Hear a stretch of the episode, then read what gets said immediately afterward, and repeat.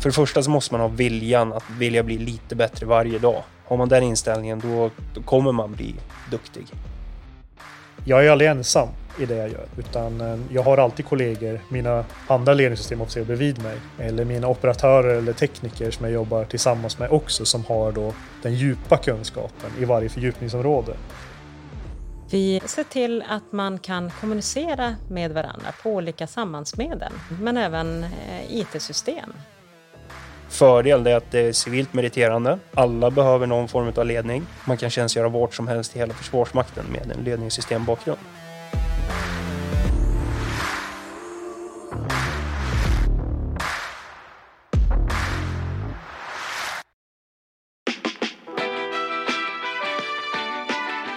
Jag heter Alexander, tjänstgör som planeringsofficer på signalbataljonen, ledningsregementet i Enköping. Anledningen till att jag ville bli officer det var nog egentligen att min chef tyckte att det var dags. Inte för att jag blev gammal utan för att jag kanske hade det som krävdes för att bli det. Och den känslan att faktiskt kunna bidra och göra lite mer än att bara vara soldat. Att göra andra bättre än att bara utveckla sig själv. Det var nog det som lockade mest. När jag är på middag och folk frågar vad jag jobbar med så brukar jag säga att jag tjänstgör i Försvarsmakten. Det är allt från eh, utbilda trupp till att sitta och planera större uppgifter, ta hand om individen och utveckla den, se till så att den blir bättre. I mångt och mycket så din rätt att leva som du själv väljer. Jag gillar att bygga lag. Det, jag älskar att bygga laget. Det är det jag brinner för. En eh, känsla av att det spelar ingen roll vad vi gör, så länge vi gör det tillsammans. Då har vi hittat det jag tycker är viktigt. Jag heter Rigmor Bäckfris och jag arbetar idag på J2 FMPs. Jag jobbar på Försvarsmaktens tele och informationssystemförband, ett långt namn. Och eh, när de undrar vad vi gör så brukar jag ibland jämföra med ett militärt Telia. För många vet vad Telia arbetar. Men det är ju, också, det är ju bara en del. Eh, men vi är ett ledningsstödsförband för Försvarsmakten. Jag heter Daniel, jobbar som ledningssystemofficer på FMTs. Jobbar mer inriktat på TDC. Det är varierat jobb såklart. Nu när jag flyttade hit så har jag gått från en mera, en mer rörlig roll uppe på F21 som jag jobbade på tidigare. Där det var mer att min, min roll då var att eh, jobba på det rörliga sambandet där uppe. Eh, då skulle vi bygga flygplatser.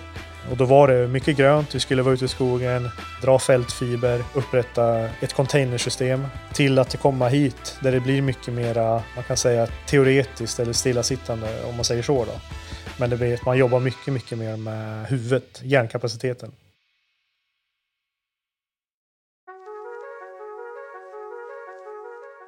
Första åren så jobbade jag som sagt uppe på F21. Där var det ju, jobbade jag med ett helt annat system. Jag jobbade med något som kallas för Comnät flygbas.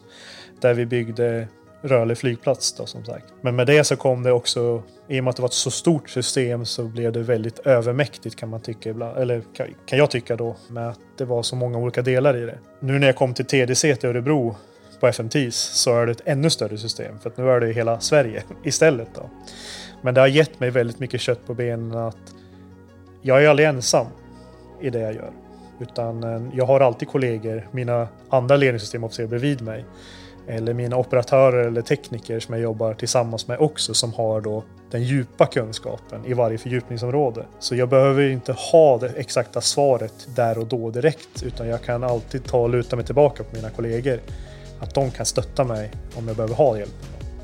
Jag ryckte in 31 januari 2011 på P4.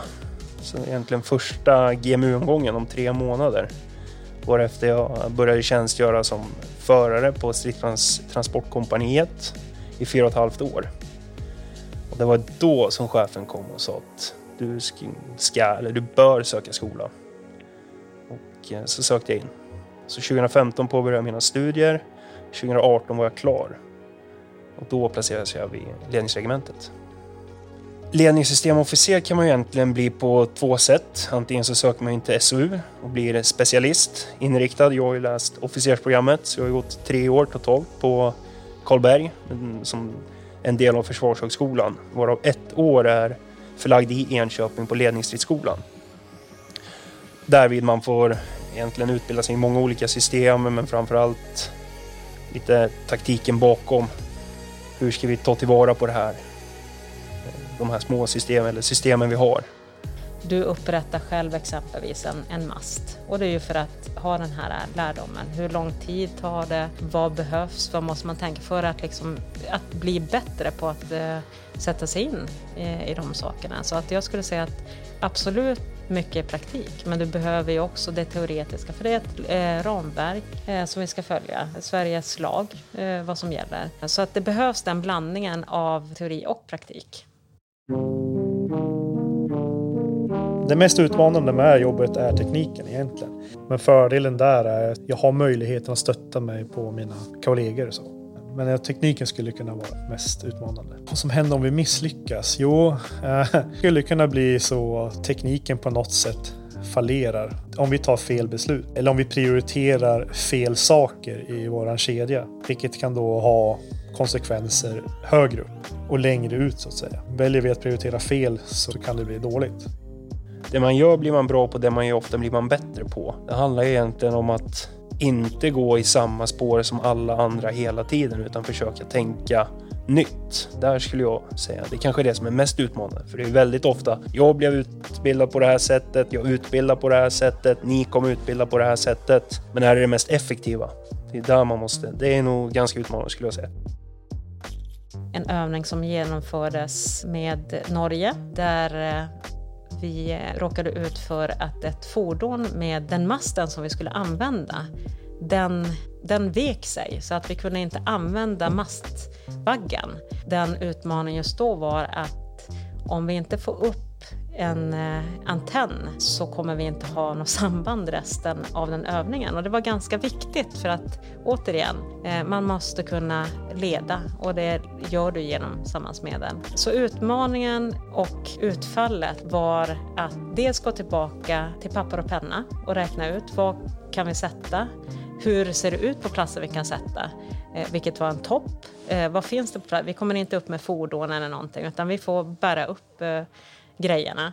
Och vi sågade ner ett träd och satte fast en eh, antenn där. Men löste ut det.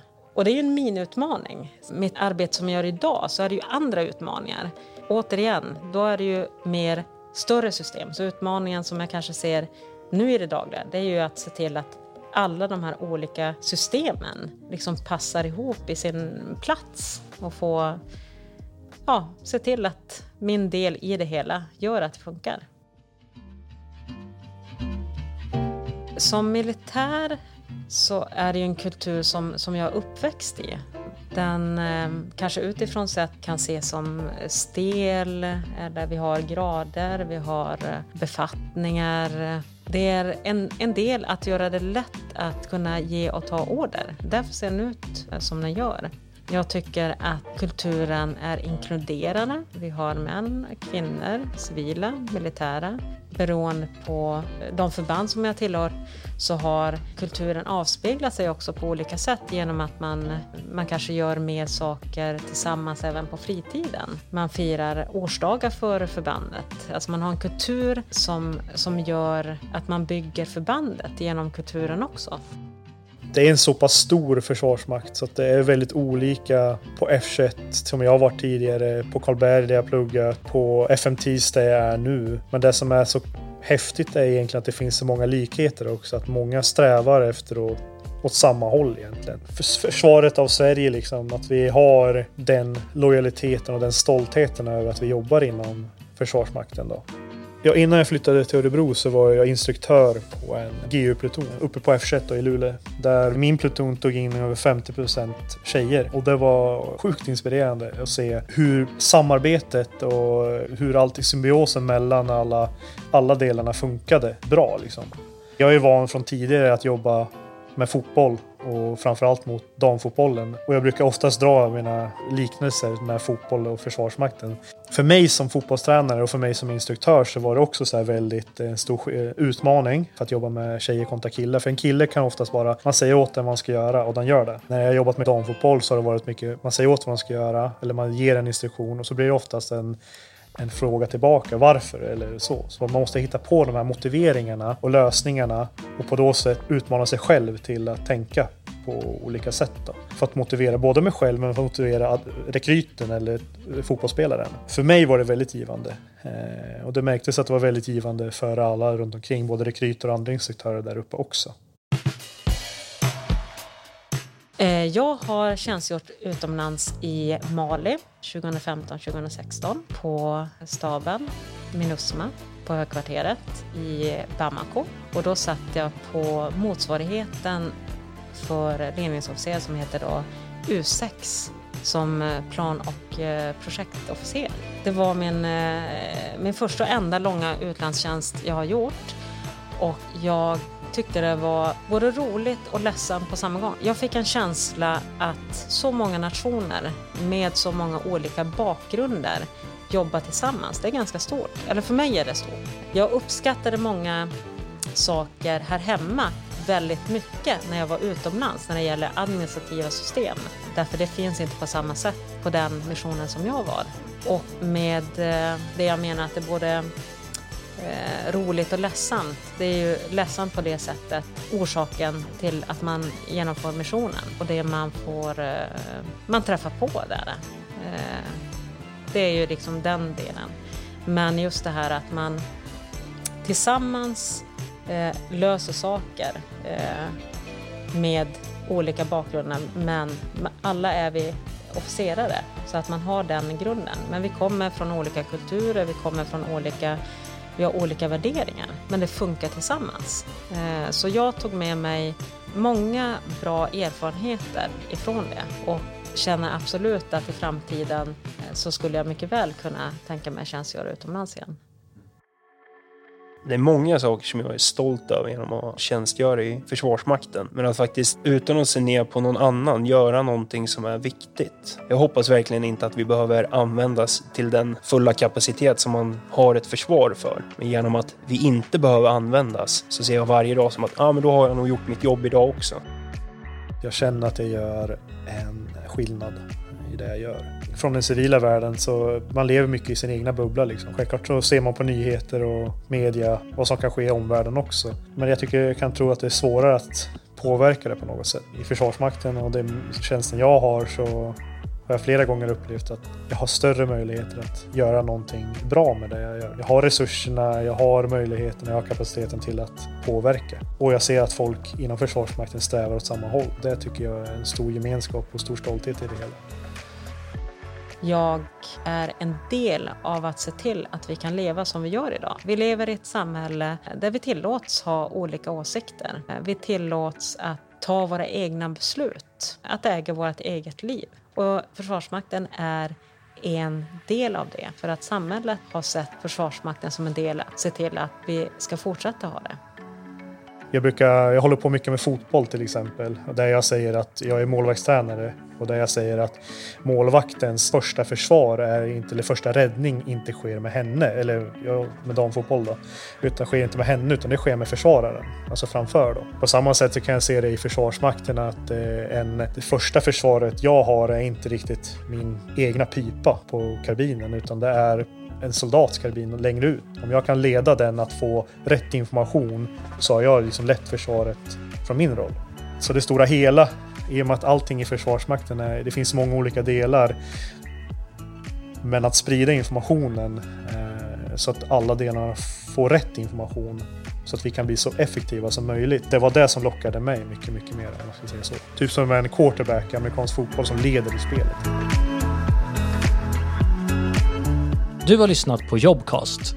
Om du inte redan lyssnar i Jobcast app, ladda då ner den i App Store eller Google Play.